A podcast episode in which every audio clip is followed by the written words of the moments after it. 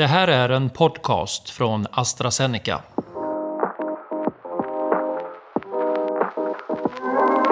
Cissi, du har ju gjort väldigt mycket i ditt liv. Eh, du har varit eh, tv-producent och programledare och eh, VD för Svenska Filminstitutet och allt möjligt. Men jag tror ändå många, eh, i alla fall i min generation, 70-talister, eh, känner dig som något annat.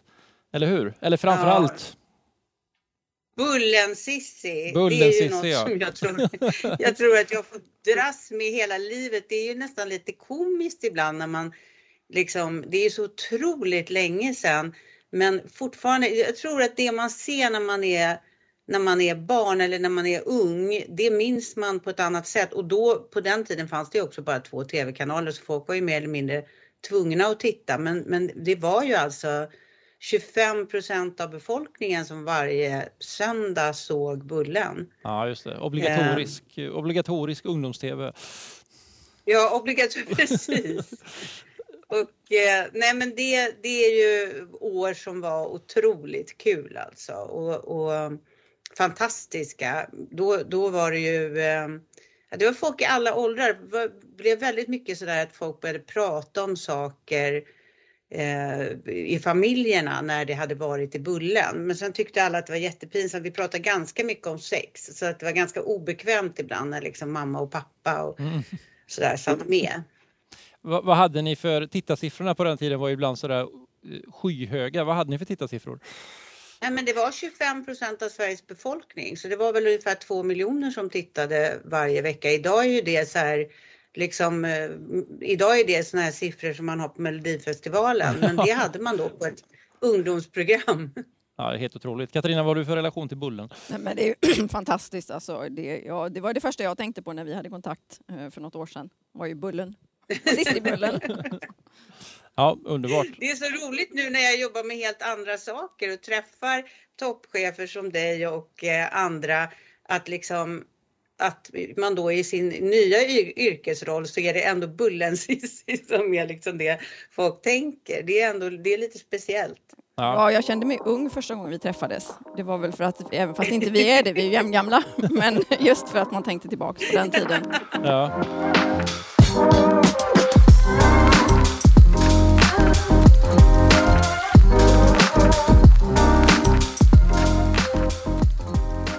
Då säger jag varmt välkommen till AstraZenecas podd Snacka om livet och jag säger också välkommen till Sissi Elvin, VD på Chefakademin. Välkommen Sissi! Tack snälla. Och jag säger välkommen till vår andra gäst Katarina Agerborg som är VD på AstraZeneca AB. Välkommen! Tack så mycket. Och jag som pratar heter Carl-Johan Karlsson och jag jobbar också här på AstraZeneca och leder den här podden. Och vi ska ju prata idag om jämställdhet, eh, framförallt då i näringslivet och det blir ju förstås i, i life science-branschen då, men också kommer vi in på förmodligen kultur och media och din bransch Cissi och prata lite om det i allmänhet. Eh, och jag tänkte börja lite grann med en, eh, en väldigt bred fråga får man väl säga. Eh, jag riktar mig till dig Cissi först. Är Sveriges näringsliv jämställt? Nej, det är långt ifrån jämställt även om det har gått de senare åren har det verkligen hänt saker och det har gått faktiskt gått ganska fort. Men tittar man så länge som man har pratat om det här problemet så har det tagit en väldigt lång tid. Fortfarande är ju börs vdar eh, mest män. Eh, och sen när det gäller ledningsgrupper och styrelser så är det ju också en bit kvar till, till att man har jämställt och eh, 50-50. Eh, men det är roligt att se att det ändå händer. Det är det. Vad säger du Katarina, håller du med? Ja, jag håller med. Jag tror att man ibland eh, blandar ihop saker. För Sverige kommer ju fram som ett väldigt jämställt land. Men då tittar man ju på andra saker också. Då tittar man på både arbete och utbildning, eh, tid, makt, hälsa och så vidare. Och då kommer vi ju topp jämt. Men in, jag tror man glömmer några frågor som du just nämnde, Cissi, styrelser och eh, ledningsgrupper. Det som mer handlar om makt och pengar. Mm. Så att det, det är inte jämställt men det går framåt kan man säga. Då. Absolut. Eh, om man tittar då på vad, vad det beror på sådär, alltså, eh, skulle ni säga att eh, finns det manliga strukturer, alltså osynliga eller synliga, eh, medvetna eller omedvetna inom näringslivet som, som gör det svårare för kvinnor att ta sig fram? Vad säger du Katarina? Absolut. Ehm, det har i och för sig också blivit bättre för att man pratar om de här frågorna. Men visst finns det strukturer som man inte är in, inbjuden i eller känner sig välkommen i och som man får tampas med under och jag har känt det genom min karriär att man får tampas med lite grann. Hur märks det konkret? Vad, kan du ge exempel? Ja, men alltså, man förstår ju ofta då, när man var yngre förstod man att det var beslut som hanterades utanför mötesrum och saker som hände som man inte var informerad om eller involverad i och att man får lite känna att man får vara på sina tår hela tiden. Mm. Känner du igen det Cissi också, att, att liksom känslan att beslutet är taget redan vid sittande bord? Absolut. Just det här med att män, eftersom det har varit en överrepresentation av män, det har varit en överrepresentation av män som har känt varandra och har, kanske sitter i flera olika styrelser tillsammans eller har andra kontaktytor, umgås privat, spelar golf med varann. Eh, snacket har gått, man har pratat ihop sig, man har, har liksom när man kommer in till ett styrelsemöte så har man redan fattat ett beslut egentligen eller skapat sig en majoritet och det där är eh, känslan av att när man sitter med i en styrelse eller, eller i en ledning och besluten redan är fattade. Det är någonting som många kvinnor vittnar om när vi har skrivit och, och eh, gjort projekt kring de här grejerna. Vi gjorde ju på, på chef gjorde vi ett stort projekt som heter Battle of the Numbers där vi hade med Sveriges tio största företag eh, där vdarna committade sig att, att se till att det skulle bli fler kvinnor i både ledning, i chefsposition genom hela företaget men också i ledningsgrupp och styrelse. Eh, och det var tio kvinnor från varje företag som fick liksom scouta vad var hindren och vad var möjligheterna i just det här, den här organisationen. Sen hade vi workshop med alla kvinnorna där de fick jämföra. Det blev ju en otroligt bra kunskapsbas. Och där var det många som sa det just så här, men jag vet att killarna i vår ledningsgrupp umgås och att de pratar om saker och jag märker att de är samsnackade i frågor och jag vet inte liksom riktigt i vilka forum de här grejerna har bestämts men helt plötsligt så är det som om någonting är bestämt. Och det är ju, det är ju eh, någonting som jag tror att man har fått en större medvetenhet om. Eh, sen behöver man alltid lobba när det gäller till exempel styrelsearbete men, men eh, man måste ju se till att det blir på någon slags jämlika villkor.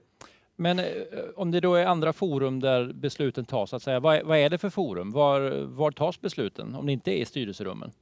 Kanske förr i bastun, det tror jag inte det är nu längre. Men Nej, okej, okay. men det är liksom mer, mer informella sammanhang då, eh, där liksom männen då umgås, de känner varandra som du säger.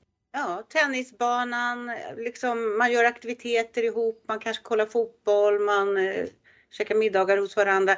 Det har ju funnits liksom ett gäng killar i näringslivet som, som känner varandra utan och innan och rekommenderar varandra till olika jobb och, och så. Mm, Nätverk, nätverk och det, det är ju inget, egentligen inget konstigt med det, men det är väl det att kvinnor har varit så underrepresenterade och inte har haft samma nätverk. Eh, och då hamnar man ju i ett underläge. Eh, Anna Wahl som är en jätteintressant forskare kring de här sakerna, hon pratar om att när man är under 30 procent i en grupp, då är man en minoritet. Då är det andra, eh, andra regler som gäller. Men blir man över 30 procent eh, så är man inte längre bara ett undantag. Och kvinnor har ju i, i nästan alla beslutsforum i näringslivet varit undantaget. Mm. Katarina, känner du igen det där att eh, du känner att de här är kompisar, de här umgås på fritiden, liksom, att man känner sig utanför på det sättet, att du därför blir liksom eh, åsidosatt när det gäller beslutsgången och så. Men absolut, men ännu mer förr faktiskt. Vi har ju varit på en resa som har, där det har blivit bättre. Nu är det här radio och alla kanske inte vet att vi, jag och Sissi båda har varit med i näringslivet i 35-40 år snart. Eller kanske var över, överdrivet, men 30 åtminstone. Uh, och så jag, jag, vet ju i början av min uh, karriär som chef så var det oftast uh, en eller två kvinnor i ledningsgruppen av sju, nio, elva stycken. Och det var under en ganska lång tid. Men eh, sen har jag varit med om en resa de senaste tio åren skulle jag vilja säga, där det, inte, där det är helt annorlunda och där det är inte bara kvinnor och män utan det är en mycket bredare mångfald. Och det är, märks ju eh, enorm skillnad för att det blir eh, kreativa, innovativa miljöer. Det finns ju vetenskap på att det, att det blir bättre totalt sett. Och den resan är ju fantastisk att vara med om när man har den här gamla lite som känns dammig och mossig att ens prata om nu man vill ju gärna prata om hur vi jobbar nu snarare, där det är mer mångfald och där det är mer eh, kvinnor och män blandat i ledningsgrupper och då man tar sig framåt på ett smartare och bättre sätt och ett mer inkluderande sätt också. Mm. Men, men förutom det här numerära då, förlåt Cissi, du skulle säga något? Nej, jag skulle bara säga det som Katarina sa. Jag tycker det är jätteintressant att så fort man börjar jobba med mångfald när det gäller kön till exempel, då kommer man också bli medveten om mångfald, etnisk mångfald. Eh, och, och, det är ju också någonting som, som jag tycker är, börjar hända. Det är fortfarande långt kvar även där, men det börjar hända. Eh, och det ger ju också en enorm dynamik. Eh, så att det, och jag tror att det, det är fullkomligt, det är en överlevnadsfråga för oss framåt att inkludera. Det kommer att bli ett farligt samhälle om vi, om vi inte gör det. Så att jag tycker att det är jätte, jag håller verkligen med om att det håller på att hända och att det också blir tydligt att det ger resultat. Mm. Vi sitter i Göteborg nu du och jag Katarina här på vår forskningsanläggning och här finns ju över 70 olika nationaliteter. Mm. Eh, hur märks den mångfalden? Hur, hur så att säga, märks det i det dagliga arbetet? Det märks tydligt. Eh, för det första pratar vi ju inte svenska, vi pratar engelska så vi eh, får med alla, för alla pratar engelska som vi har här. Och så blir det, man lär sig på basis av vad folk har för kulturell bakgrund, vilka länder man kommer från, vad man har för olika utbildning och det är ju hög eh, nivå på forskning här så det märks i, i sammanhållningen och i resultaten om man, om man, jämför, eh, om man jämför då, för ni säger ju att det har, det har gått framåt, det är inte jämställt än men, men det går framåt. Eh, hur, hur har det förändrats då, förutom det här numerära då, att det är liksom fler kvinnor representerade i bolagsstyrelser och dylikt? Eh, alltså Cissi, om vi börjar med dig då, du har ju varit chefredaktör, du har varit programledare, producent, VD för Filminstitutet, det har liksom varit kultur och mediebranschen kan man säga. Eh, hur, hur skulle du säga att utvecklingen har sett ut i din bransch? Men när det gäller media, när det gäller eh, tidningar och, och, så vidare och nu på tv-sidan om man tittar på public service så är det ju kvinnliga chefer på alla de tre bolagen. Så att i mediebranschen har det varit, funnits mycket kvinnor på beslutande positioner. Chefredaktörer för magasin och så vidare har ju varit en, en övervikt av kvinnor egentligen. Men eh, när jag kom till Filminstitutet så var, det, var jag på oerhört många möten där det var, och vi stod i paneler och sånt där, där det var ett antal män och jag.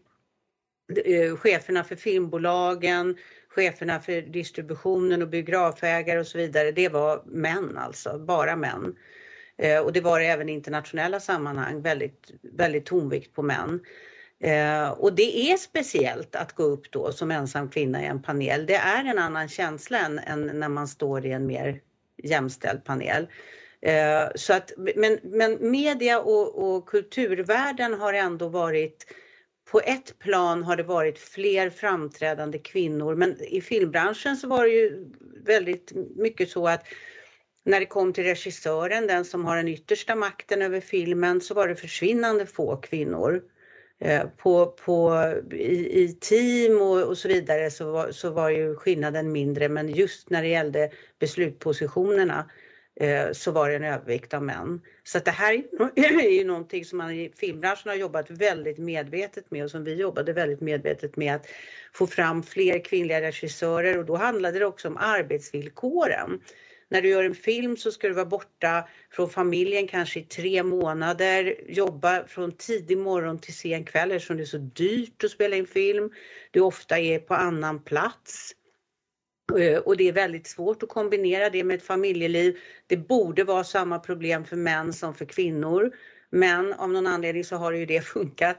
Eh, och när kvinnor kommer in som regissörer och kommer in i produktion så vill man jobba på ett annat sätt helt enkelt.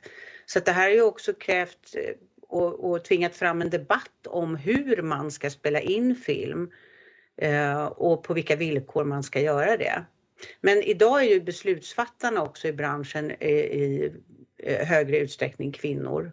Så att det har också förändrats. Mm.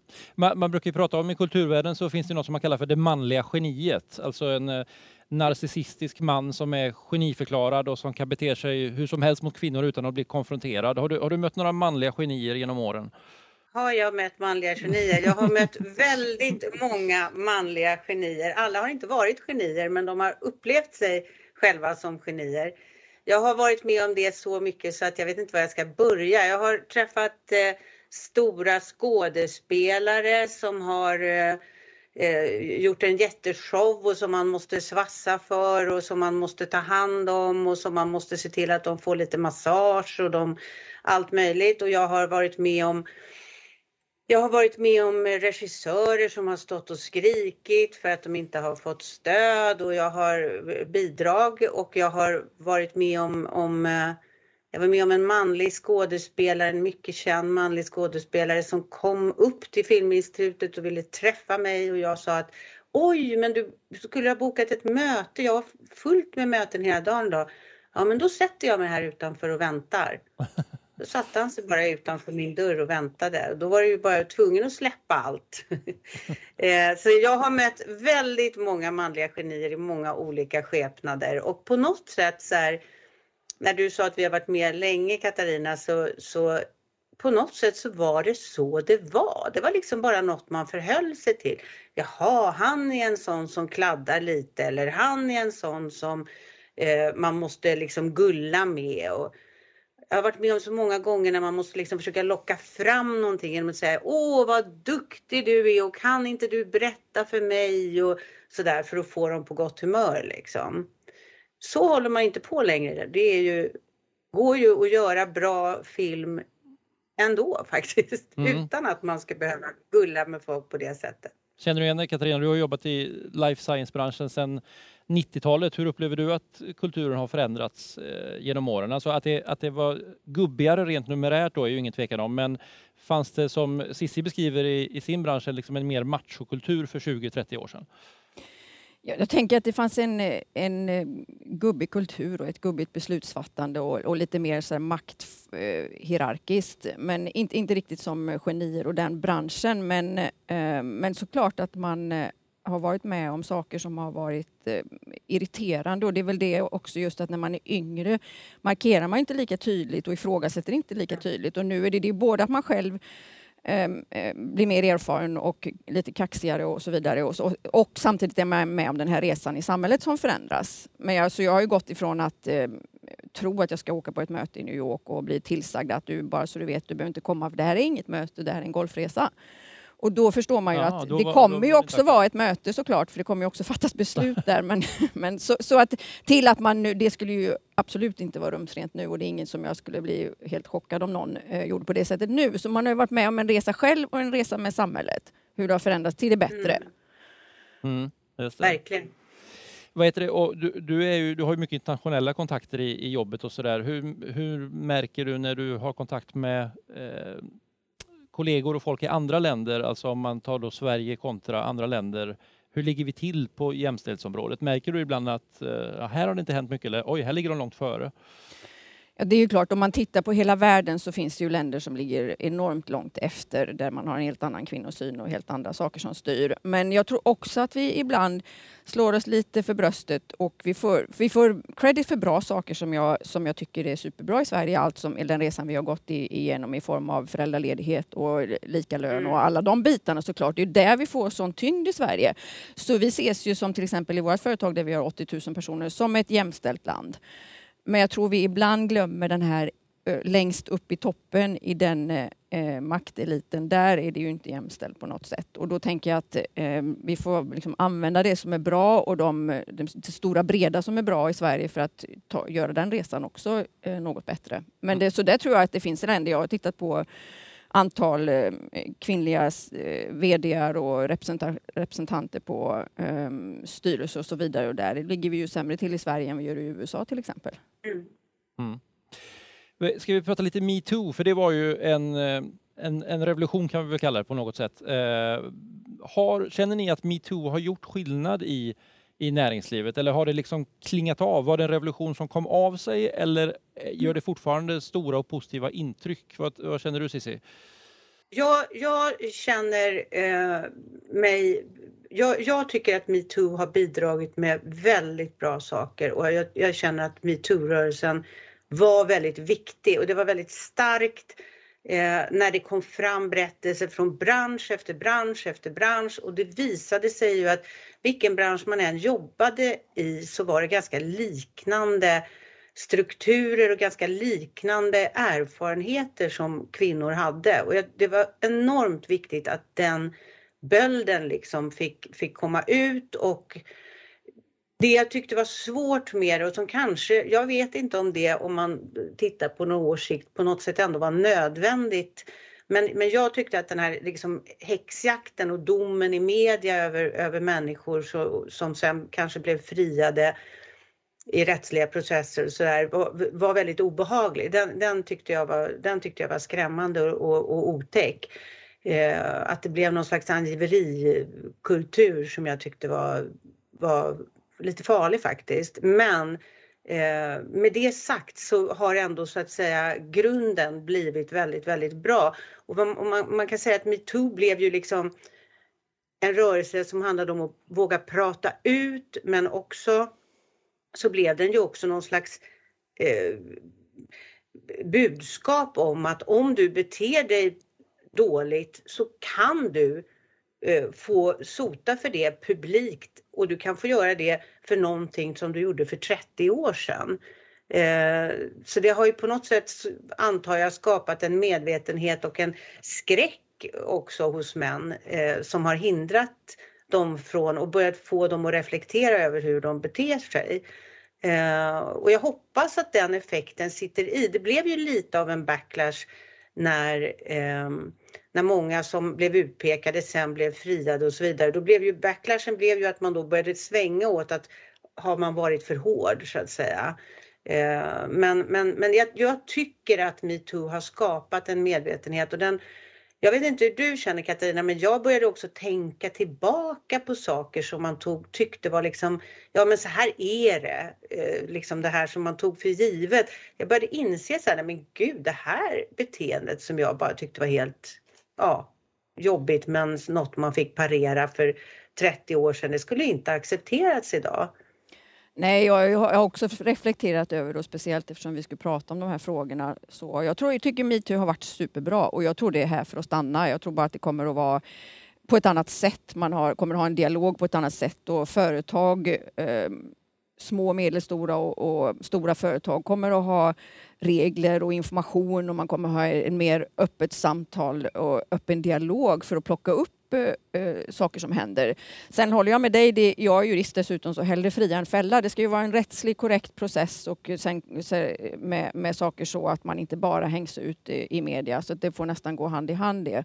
Så det är klart att eh, ehm, man har säkert offrat en del eh, med individer som har hängts ut som kanske inte haft en, en rättslig process. Men jag tänker att det är, inte, det är så mycket annat där man måste stoppa det långt, långt, långt innan det blir en juridisk fråga utan bara ett, ett kultur. Hur, hur beter man sig mot varann och, och att man ska känna sig trygg. Och, eh, men jag tror faktiskt att detta och eh, den evolutionen som ändå har hänt med, med diskussioner om mångfald och, och, och ledarskap har gjort att unga kvinnor idag accepterar inte eh, det som vi tyckte var liksom business as usual. Vi får stå ut med det eller det, livet går vidare och vi, man såg lite mellan fingrarna. Det tror jag inte händer idag på samma sätt. Det är klart det finns undantag men jag tror att det är en helt annan eh, styrka och eh, tror att känsla av att om man kommer fram och talar om vad som har hänt så får man stöd.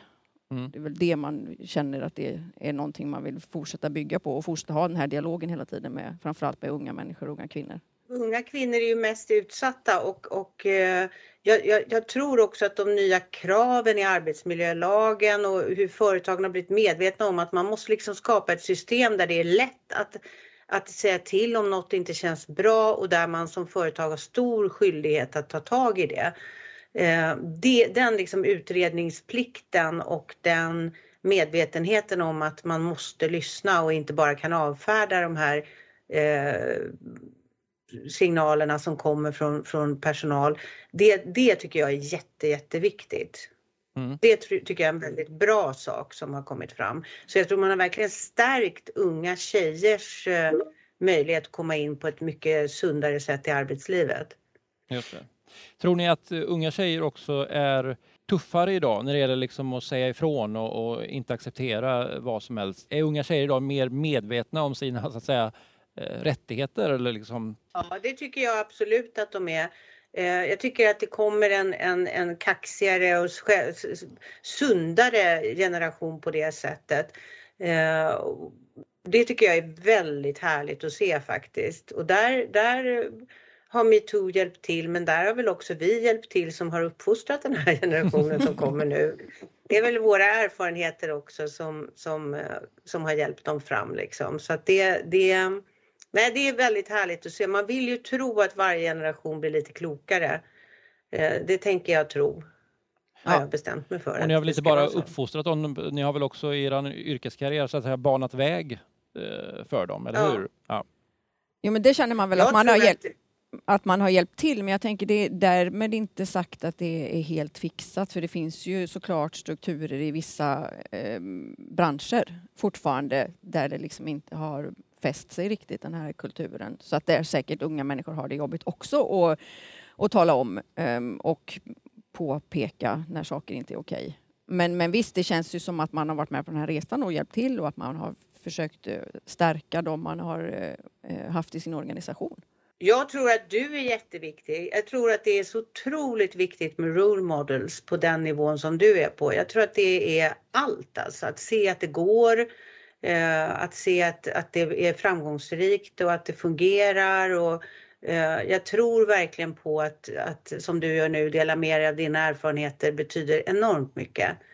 Eh, och jag, jag kan tänka att eh, för kvinnor i en organisation, om du du behöver känna och du behöver se att här kan jag avancera, här kan jag göra en karriär, här finns det inga hinder för mig. Vi märkte när vi gjorde Battle of the Numbers att det de tog upp kvinnorna som ett hinder, det var till exempel att de hade mest manliga chefer som pratade om att de utsåg kronprinsar i organisationen eh, när de pratade om successionsordning. Då sa de liksom inte att ja, vi ska se till att det kommer fram nya begåvade människor utan de sa att det är viktigt att vi utnämner kronprinsar. Då blev liksom tjejerna automatiskt demotiverade för de tänkte att ja, jag kanske måste byta företag för här kommer de inte att välja mig när, när det handlar om, om att avancera. Här kommer de att välja en man.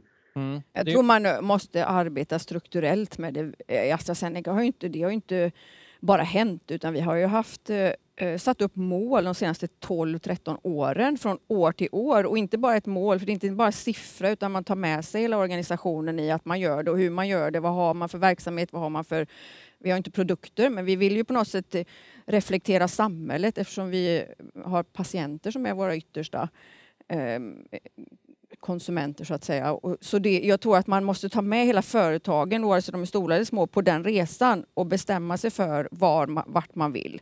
Det mm. händer inte bara av sig själv utan man måste på något sätt eh, då och då kommer det ju automatiskt eh, fler role models inne i olika tunga funktioner och tunga roller. Och det är intressant det här med språkbruk, alltså du pratar om kronprins. Eh, på AstraZeneca säger vi inte chairman längre utan vi säger chair till ja. exempel. Det finns ju många sådana här ord som liksom är från en tid ja, eh, då de liksom eh, maskuliniseras så att säga, mm. själva ordet. Men jag får bara bolla vidare från det Cissi pratade om till dig Katarina. Alltså, vad, vad, spelar det för roll att du som VD för AstraZeneca är kvinna? Eh, vad betyder det tror du för kvinnorna i organisationen? Det tror jag säkert är, är bra och roligt att se när man eh, tänker på sin egen framtid och sin egen karriär. Sen är det väl, nu är jag ju svensk och bor i Sverige och lever här med min eh, familj så det kanske skulle vara ännu mer inspirerande om jag var från ett annat land eller en hbtq-person. Alltså att det, det, det liksom breddas på hela mångfaldsområdet för framtiden. Mm. Men absolut, det är positivt. Eh, det tror jag ju och det var många som sa det i början när jag blev utsedd som VD såklart. Mm. Mm.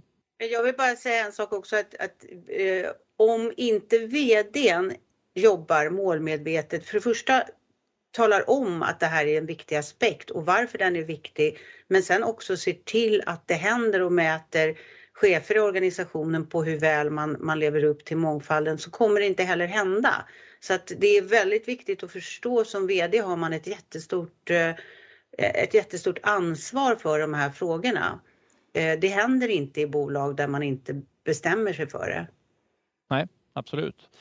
Jag tänkte att vi skulle prata lite löner också. Eh, vad heter det? Eh, för det är också en viktig del eh, i detta. Löneskillnaden i Sverige mellan kvinnor och män den ligger på 9,8 procent. Eh, och den siffran har minskat varje år sedan 2007 men det finns alltså fortfarande ett gap då. Eh, och jag har varit i kontakt med Medlingsinstitutet eh, som förklarar att det dels då beror på att yrken där andelen andelen kvinnor dominerar, det är lägre betalda yrken än där det är fler män helt enkelt. Eh, så att jag, jag tänkte fråga er först, var, varför väljer inte fler kvinnor yrken som är bättre betalda? Vad tror du Katarina? Nej, men jag tror man väljer yrken eh, utefter sitt intresseområde och sin passion. Det är snarare fel på systemet, det är fel lönesättning än att eh, det är liksom att man väljer ett låg, eh, lågbetalt yrke. Man väljer någonting där man tror man kan bidra i samhället, där man är intresserad och passionerad som alla vårdyrken till exempel. Mm, de kvinnligt dominerade yrkena är för lågt lönesatta helt enkelt? Ja, det, är problemet det, absolut. Ja, just det. Vad säger du Cissi? Jag håller verkligen med om det och det är egentligen helt sjukt om man, om man tänker på att det som handlar om att uppfostra våra barn och få dem att eh, få en bra framtid och det som handlar om att ta hand om våra gamla, det som handlar om att ta hand om sjuka människor ska inte vara högavlönat. Det mest högavlönade, det är väl det allra viktigaste vi kan göra i vårt samhälle. Så det håller jag verkligen med om att det är alldeles för lågt lönesatt. Eh, men sen finns det ju ändå ett gap även på samma positioner mellan män och kvinnor. Och det tror jag, det tycker jag är svårare att veta vad det handlar om. Jag har upplevt tidigare i alla fall i mitt liv att jag tycker att män har varit jäkligt pushiga och duktiga på att gå in och bara kräva högre lön. Eh, medan jag, jag tycker att kvinnor har liksom varit sämre på det faktiskt. Men jag, jag ser en skillnad även där på de jag jobbar med och löneförhandlar med så märker jag att unga kvinnor idag är ganska duktiga på att och, och ställa krav på sina löner och det, det gör mig faktiskt ändå glad. Så jag tror att även där börjar det bli en skillnad. Har du också märkt Katarina att, att kvinnor liksom generellt sett inte har varit lika eh, kaxiga, tuffa i löneförhandlingar, att det kan påverka också?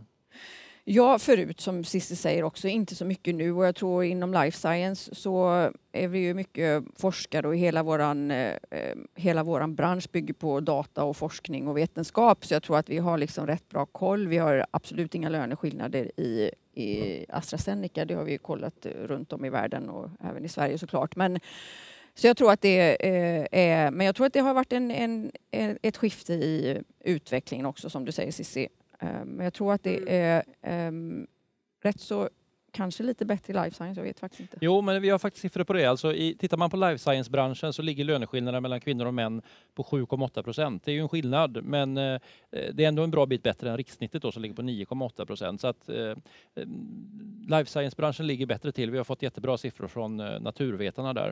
Eh, varför, varför tror du att det är så, Katarina? Varför ligger vi bättre till i vår bransch? Jag vet inte, jag tror att det kanske är att vi har mycket data och vetenskap och forskning så då vill vi att detta också, att vi har koll på detta och att det känns rätt. Sen har vi problematiken tror jag i privat sektor att det är så mycket som också är individualiserat och man vill att det ska vara individualiserat hur man är kompenserad och så vidare. Så där tror jag att den där ändå tråkiga 7-8 procenten kommer ifrån. Mm, och, och tittar man på, jämför man olika sektorer, alltså eh, privat sektor då, jämfört med stat och kommun till exempel, så är det ganska stora skillnader. Alltså i privat sektor så är skillnaden 9,5 procent, alltså runt rikssnittet. Eh, I staten är det 6,1 procent, så det är ju en bra bit lägre. I kommunen är det 1,8 procent, så att i kommunen är man nästan hela vägen framme. Vad, vad, kan vi lära oss något i näringslivet av kommunerna? Vad tror du Cissi? Men jag tror att de har jobbat rätt medvetet med det här och eh, jag tror absolut att de har någonting att lära ut. Sen är det klart att de, de, de kanske inte har riktigt samma individuella lönesättningsmodell heller och det är klart att det påverkar också. Eh, men även med en individuell lönesättning så borde man kunna hitta en balans. Eh, men det, det, handlar säkert i den privata sektorn om att det fortfarande är en övervikt av män på tunga positioner eh, också. Mm. Så att får man en utjämning där så får man ju en utjämning i löneskillnaderna totalt också. Just det, men det rimmar ju egentligen med bilden som vi började med här då att, att eh, det är inte jämställt ännu men det går, det går framåt så att säga. Man ser det på lönebildningen också att den har eh, gapet har minskat och ja, minskat det, men det är fortfarande den, en bit kvar. I, i, i kommuner och, och, är det ju också en, en skillnad. Där, där är det ju övervikt av kvinnliga beslutsfattare. Mm, okay, okay. Mm. Jag tror även transparens bidrar till, nu vet jag inte just i, det specifika eh, fallet med kommuner, men jag tror att en öppenhet och transparens om löner tror jag skapar eh, jämlikhet på lönesättningen. Ja, och jag menar det blir ju så med liksom Sveriges starka offentlighetsprincip och så vidare Mm. och i, i Mm. kommuner där man kan begära ut allmänna handlingar och journalister kan granska. Då blir det ju så också att det blir transparent på ett annat sätt och det kanske också bidrar till Mm. Eh, att det ställer högre krav då. Ja, vi ska, vi ska gå vidare till ett annat eh, segment här där vi ska lista några fenomen. Eh, så får ni svara då eh, dels om ni har varit med om det eh, och dels om liksom helt öppet vad ni, vad ni anser om det helt enkelt. Eh, och vi börjar då med fenomenet eh, mansplaining. Sissi? Ja, det har jag stött på. Det har jag stött på i många olika former. På vi som vid middagsbord när man har haft någon till bordet som har hållit föredrag. Eh, och när man kommer från middagen så har man knappt fått en fråga utan man har haft, fått eh, föreläsning. Eh, och jag har varit med om det i jobbsammanhang väldigt mycket. När folk vill tala om för så här ligger det till förstår du och så liksom börjar berätta. Men också i förhållanden, ganska mycket tycker jag när man kör bil och sånt där och när man ska någonstans och liksom vill inte fråga om vägen utan har långa förklaringar om hur man ska åka till något ställe och sånt där. Så absolut, alla typer av mansplaining tycker jag nog att jag har fått uppleva i mitt liv. Är det också då att liksom, eh, ni får förklarat för er saker på området där ni är experter? Alltså att, eh, har du varit med att någon säger till dig Katarina att du, jag ska förklara för dig hur läkemedelsbranschen fungerar? Eller, alltså, är det, Absolut, eller, eller hur en juridisk eh, fråga ska lösas Ja, ja. eller hur vi ska eh, driva saker. Så att, nej men absolut, jag håller med överallt. Jag älskar den, eh, det nya ordet, eller förhållandevis nya ordet. Men eh, alltså min pappa mansplaining vid middagsborden i alla år.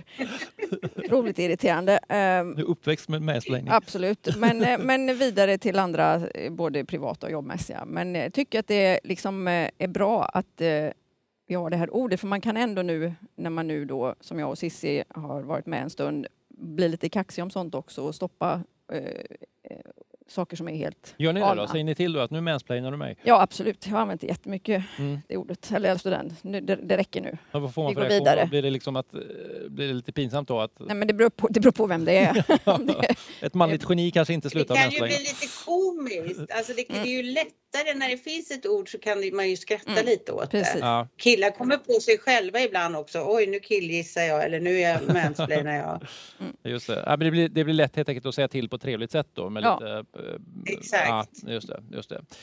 Eh, ett annat ord då. Eh, eh, härskartekniker. Mansplaining skulle ju kunna vara ett sätt eh, att, att utöva härskarteknik, men, men det är ju mycket bredare än så. Katarina, har du varit med om det? Att du känner liksom att nej, men nu, nu är det verkligen rena härskartekniker från den här mannen?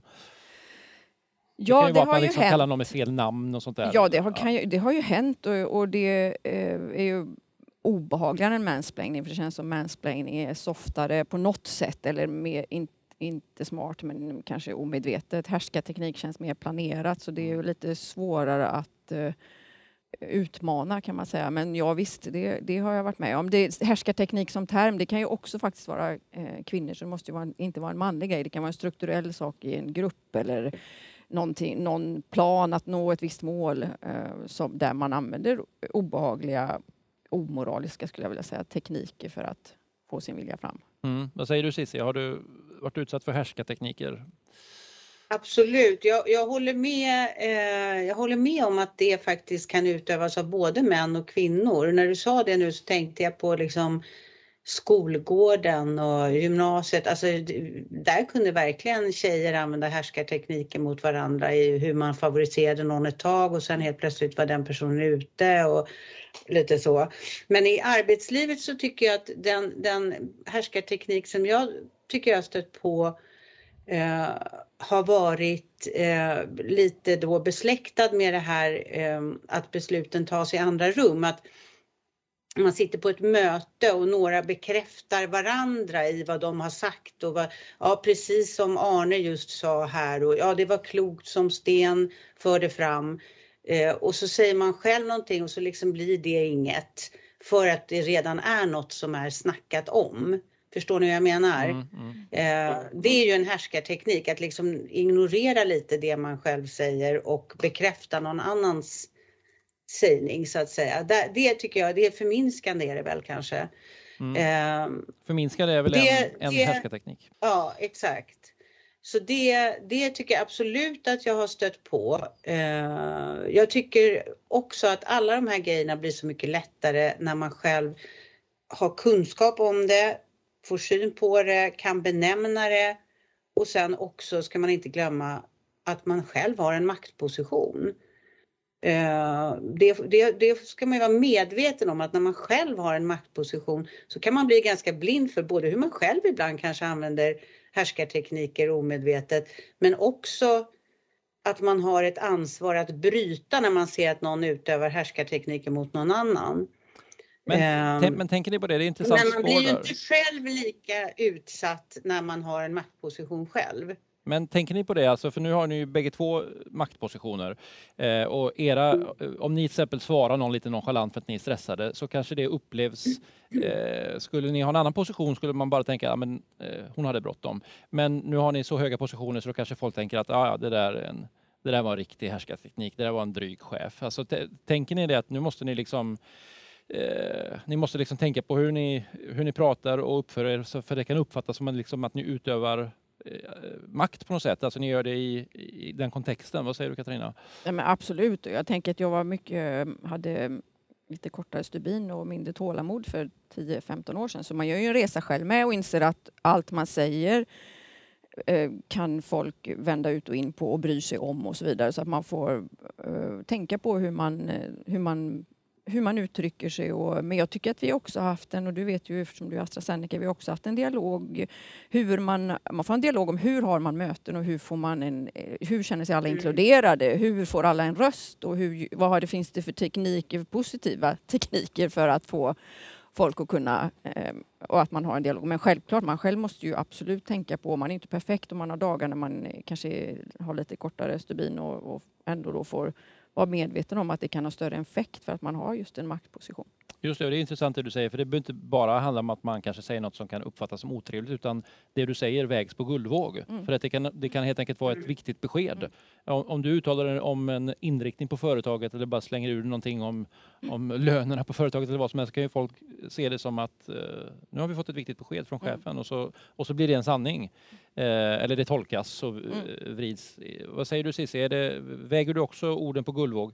Ja, eller både och för att eh, nu leder ju jag en så otroligt mycket mindre verksamhet men, men, men eh, det någon klok människa sa till mig för länge sedan var att som chef har du alltid en megafon framför munnen så du behöver bara viska. Eh, och det tycker jag var det bästa jag har, det, det har jag haft med mig verkligen därför att det är ju så här, om man, om man är en ambitiös person i en organisation och inte är chef eller har en maktposition, då skriker man för att göra sin röst hörd och man försöker liksom driva frågor med kraft och sådär när man är på väg upp liksom. Men när man har fått en position, då blir ju samma beteende oerhört oskönt.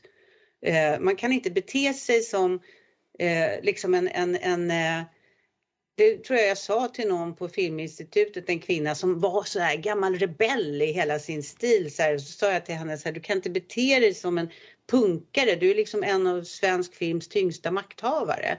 Och det, det, det tror jag är så här, man måste börja faktiskt förstå sin roll eh, och hur den påverkar. Så att ja, absolut, jag tänker, jätte, nog, jag tänker jättemycket på det men jag lyckas ju inte alltid.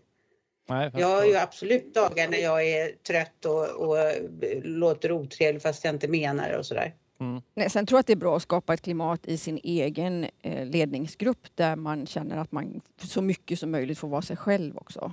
Mm. För det handlar ju lite ja. om det, att, att man inte där känner sig eh, fast i att man måste bete, säga och vara exakt. För vi vill inte att folk är lika heller. Vi vill ju att, att man är Nej. olika i sitt ledarskap och det olika stil och olika hur man fattar beslut, olika, olika sätt hur man adresserar frågor. Så jag tänker att man skapar den liksom, öppenheten men med respekt. Mm. Så att alla får vara som de är och som de vill vara. Just det.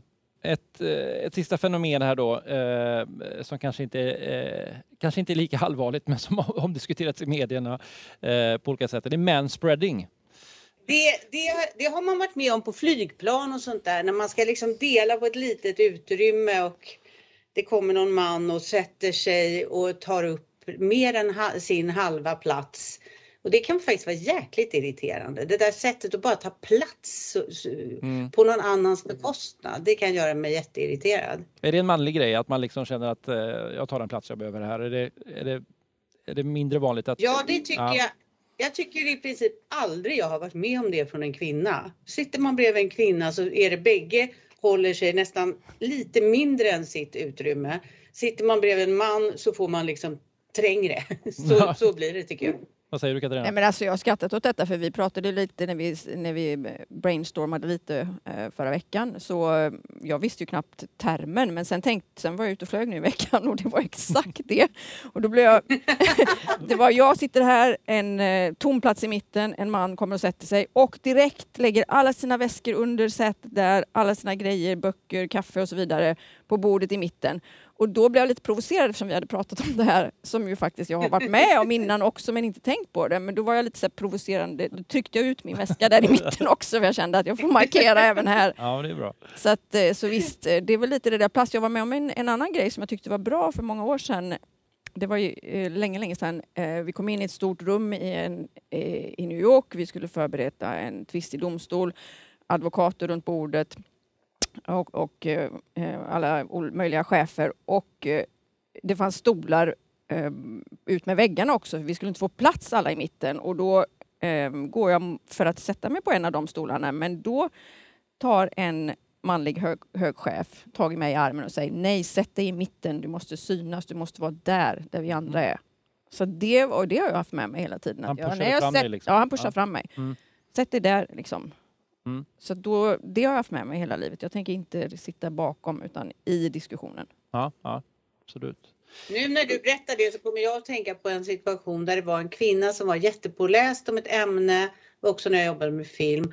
Eh, och hon var liksom sakkunnig i ett ämne och så var det då hennes chef och de skulle vara med på ett, i, när vi var och pratade med kulturministern. Och då var det ett sånt tillfälle när, när han kunde ingenting om den här frågan. Den sakkunniga hade förberett sig jättemycket. Och han ändå liksom tog hennes plats vid bordet. Och hon fick sitta bakom honom, syntes knappt. Och sen kunde han ju ändå inte redogöra för frågan utan liksom var tvungen att bara säga ja då bollar jag väl över till dig. Och så fick hon från sin position där långt bak liksom kunde allt, berätta allt då kände jag så här, fan vad snyggt det hade varit om han istället hade sagt så här, vet du, det är ju du som, som har satt dig in i den här frågan. Du sätter dig vid bordet, jag sitter här bakom och stöttar dig. Mm. Det hade liksom varit snyggt, men, men så han förlorade ju själv på, alltså han förlorade ju på att inte låta henne ta den platsen. Blir... Så det var en bra chef som eh, sa så till dig tycker jag. Ja, faktiskt. Någonting som jag själv har älskat med mitt jobb är att vara mentor åt kvinnor, unga framförallt, som inte har kommit så långt i sin karriär och dela med sig av alla möjliga saker och tips. Där kanske jag har diskriminerat för jag har faktiskt inte så många män som jag har varit mentor åt. Men eh, du har ju liksom känt att okej, okay, nu är det liksom att jag vill liksom hjälpa kvinnor att komma framåt i sin karriär och då är det faktiskt rätt bra att dela med sig av sådana här små tips. Det kan vara små saker men även stora saker. Mm. Eh, jag tänkte på det här, eh, det här är ju olika liksom, eh, fenomen, då, olika alltså härskarteknik och mansplaining och, och, och, som kvinnor blir utsatta för. Eh, och det finns ju mycket allvarliga saker också som kvinnor kan bli utsatta för, alltså diskri ren diskriminering helt enkelt, men även liksom sexuella trakasserier, olämpliga kommentarer och allt möjligt. Vi pratade om det här med metoo innan som ju uppmärksammade detta. Eh, ni som är chefer då, hur ska man agera som chef om man stöter på något av detta? Alltså, alltså jag skulle ju aldrig låta någonting bara låtsas som det inte händer. jag skulle definitivt prata med personen och eh, höra efter hur ehm, personen känner sig trygg med att föra det vidare och tala om var, vad man ska göra och vad man kan göra och att det finns support och att man kan känna sig trygg med det. Och jag tror att vi har rätt mycket, så vi är ett stort företag så vi är bortskämda på det sättet för vi har kunnat bygga upp eh, system kring det och eh, eh, haft mycket utbildning kring det. Men jag tror att i det vardagliga så måste man vara uppmärksam på det och påtala det och få individer att känna sig trygga i att, att man adresserar det på ett bra sätt. Mm. Vad säger du Cissi, hur, hur tacklar du de här, den här typen av problem som du Nej, ser? Men jag håller med om det.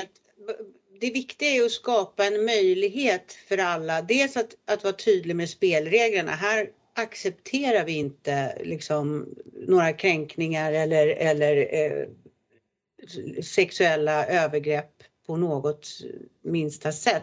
Samtidigt så är det ju alltid bedömningsfrågor och alltid jättesvåra frågor. Någon har uppfattat att någon annan har varit för flörtig medan den andra har trott att det var välkommet. Alltså det är ju jättesvåra frågor. Men, men eh, det, man måste ju ta tag i det direkt och eh, man måste vara otroligt... Eh, jag, jag var med om en, en grej på... Ja, jag var med om en grej där det var en, en, en manlig chef som hade eh, som, som tyckte att några skulle komma hem till honom istället för till arbetsplatsen för att det var en dag när det var väldigt halt ut och han ville inte åka ut till arbetsplatsen utan eh, på grund av halkan utan de fick komma till honom istället. Det var ju lika halt för dem att ta sig till honom som det var för honom att ta sig till arbetsplatsen. Och det gjorde mig så jäkla förbannad för jag kände vi har ett, ett, en arbetsplats där vi tar emot besökare och vilket väder det än är så är det där vi tar emot besökare eller så får vi ställa in besöket. Eh, och det tyckte jag var ett maktmissbruk och ett liksom, eh, ja, någon typ av dåligt beteende. Och då, då får man ju utdela en varning tycker jag för att så här beter vi oss inte. Och det, jag tycker att det är viktigt att göra det, både för den personen, för att tala om väldigt tydligt att det här, du, det här, du, det finns inget utrymme för dig att odla ett sådant beteende. Men också att det är en signal till andra i organisationen att vi kommer att ta på allvar eh, alla former av maktmissbruk eller ty, alla olika typer av övergrepp. Jag tycker det är jätteviktigt. Men kan det vara svårt att upptäcka det här då? För att eh, många kvinnor kanske är rädda för att berätta för att de, de, det kan ju vara så att de tycker det är pinsamt eller jobbigt men kan också vara så helt enkelt att de är rädda för konsekvenser. Eh, att de eh, är rädda för att det har negativa konsekvenser för deras karriär. Alltså, behöver ni liksom ha radarn på som chefer för att, för att upptäcka den här typen av händelser och beteenden? Katarina?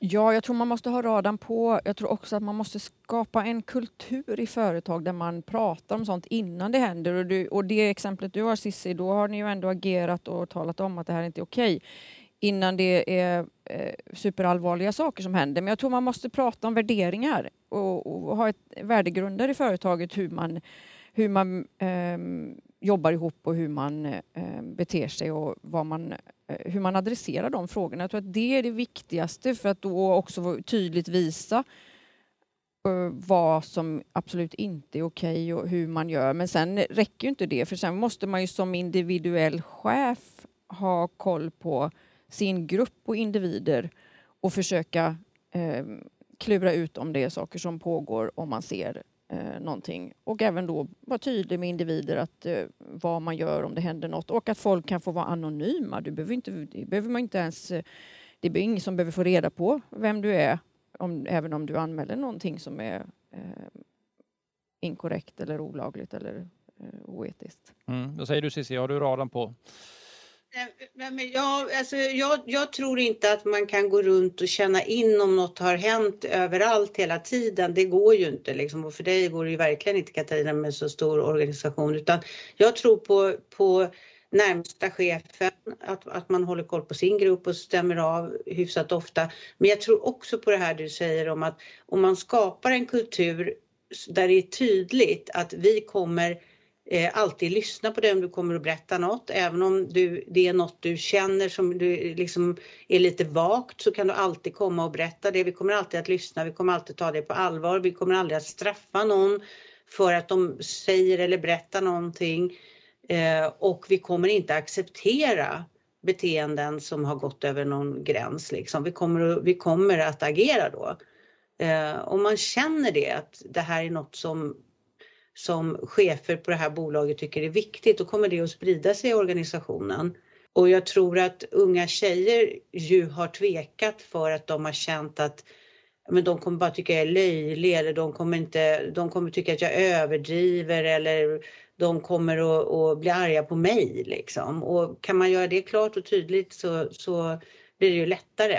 Och även då om man har en en funktion där man kan vara anonym. Men, men det allra bästa är om man kan ha lyckats skapa ett förtroende som gör att man faktiskt vågar säga hur man känner och hur man tänker och så. Mm. En, en sak som vi har gjort som jag tycker är bra det är också att när man väl har, det har hänt någonting, man har fått säga upp individer som inte har betett sig okej okay och så vidare, att man ändå kan eh, tala om, beskriva det för folk utan att lämna ut individer såklart. Men eh, det här har hänt i det här landet, det här har hänt här och så har vi agerat. Så Mm. att det är ju ändå riktiga exempel från din egen Mm. verksamhet där man också då in, får bekräftat att man tar tag i det och att det inte bara är eh, regler och prat utan att man faktiskt agerar. Just det. Det är viktigt att bygga, bygga en positiv kultur helt enkelt, både i näringslivet och i samhället i stort. Mm. Eh, hörni, det här var oerhört intressant och det känns som vi kan prata vidare jättelänge om detta. Men vi ska avrunda, så jag tackar er för att ni gästade AstraZenecas podd Snacka om livet. Tack så hemskt mycket Katarina. Tack så hemskt mycket Sissi. Tack så mycket. Tack snälla, det var jättekul.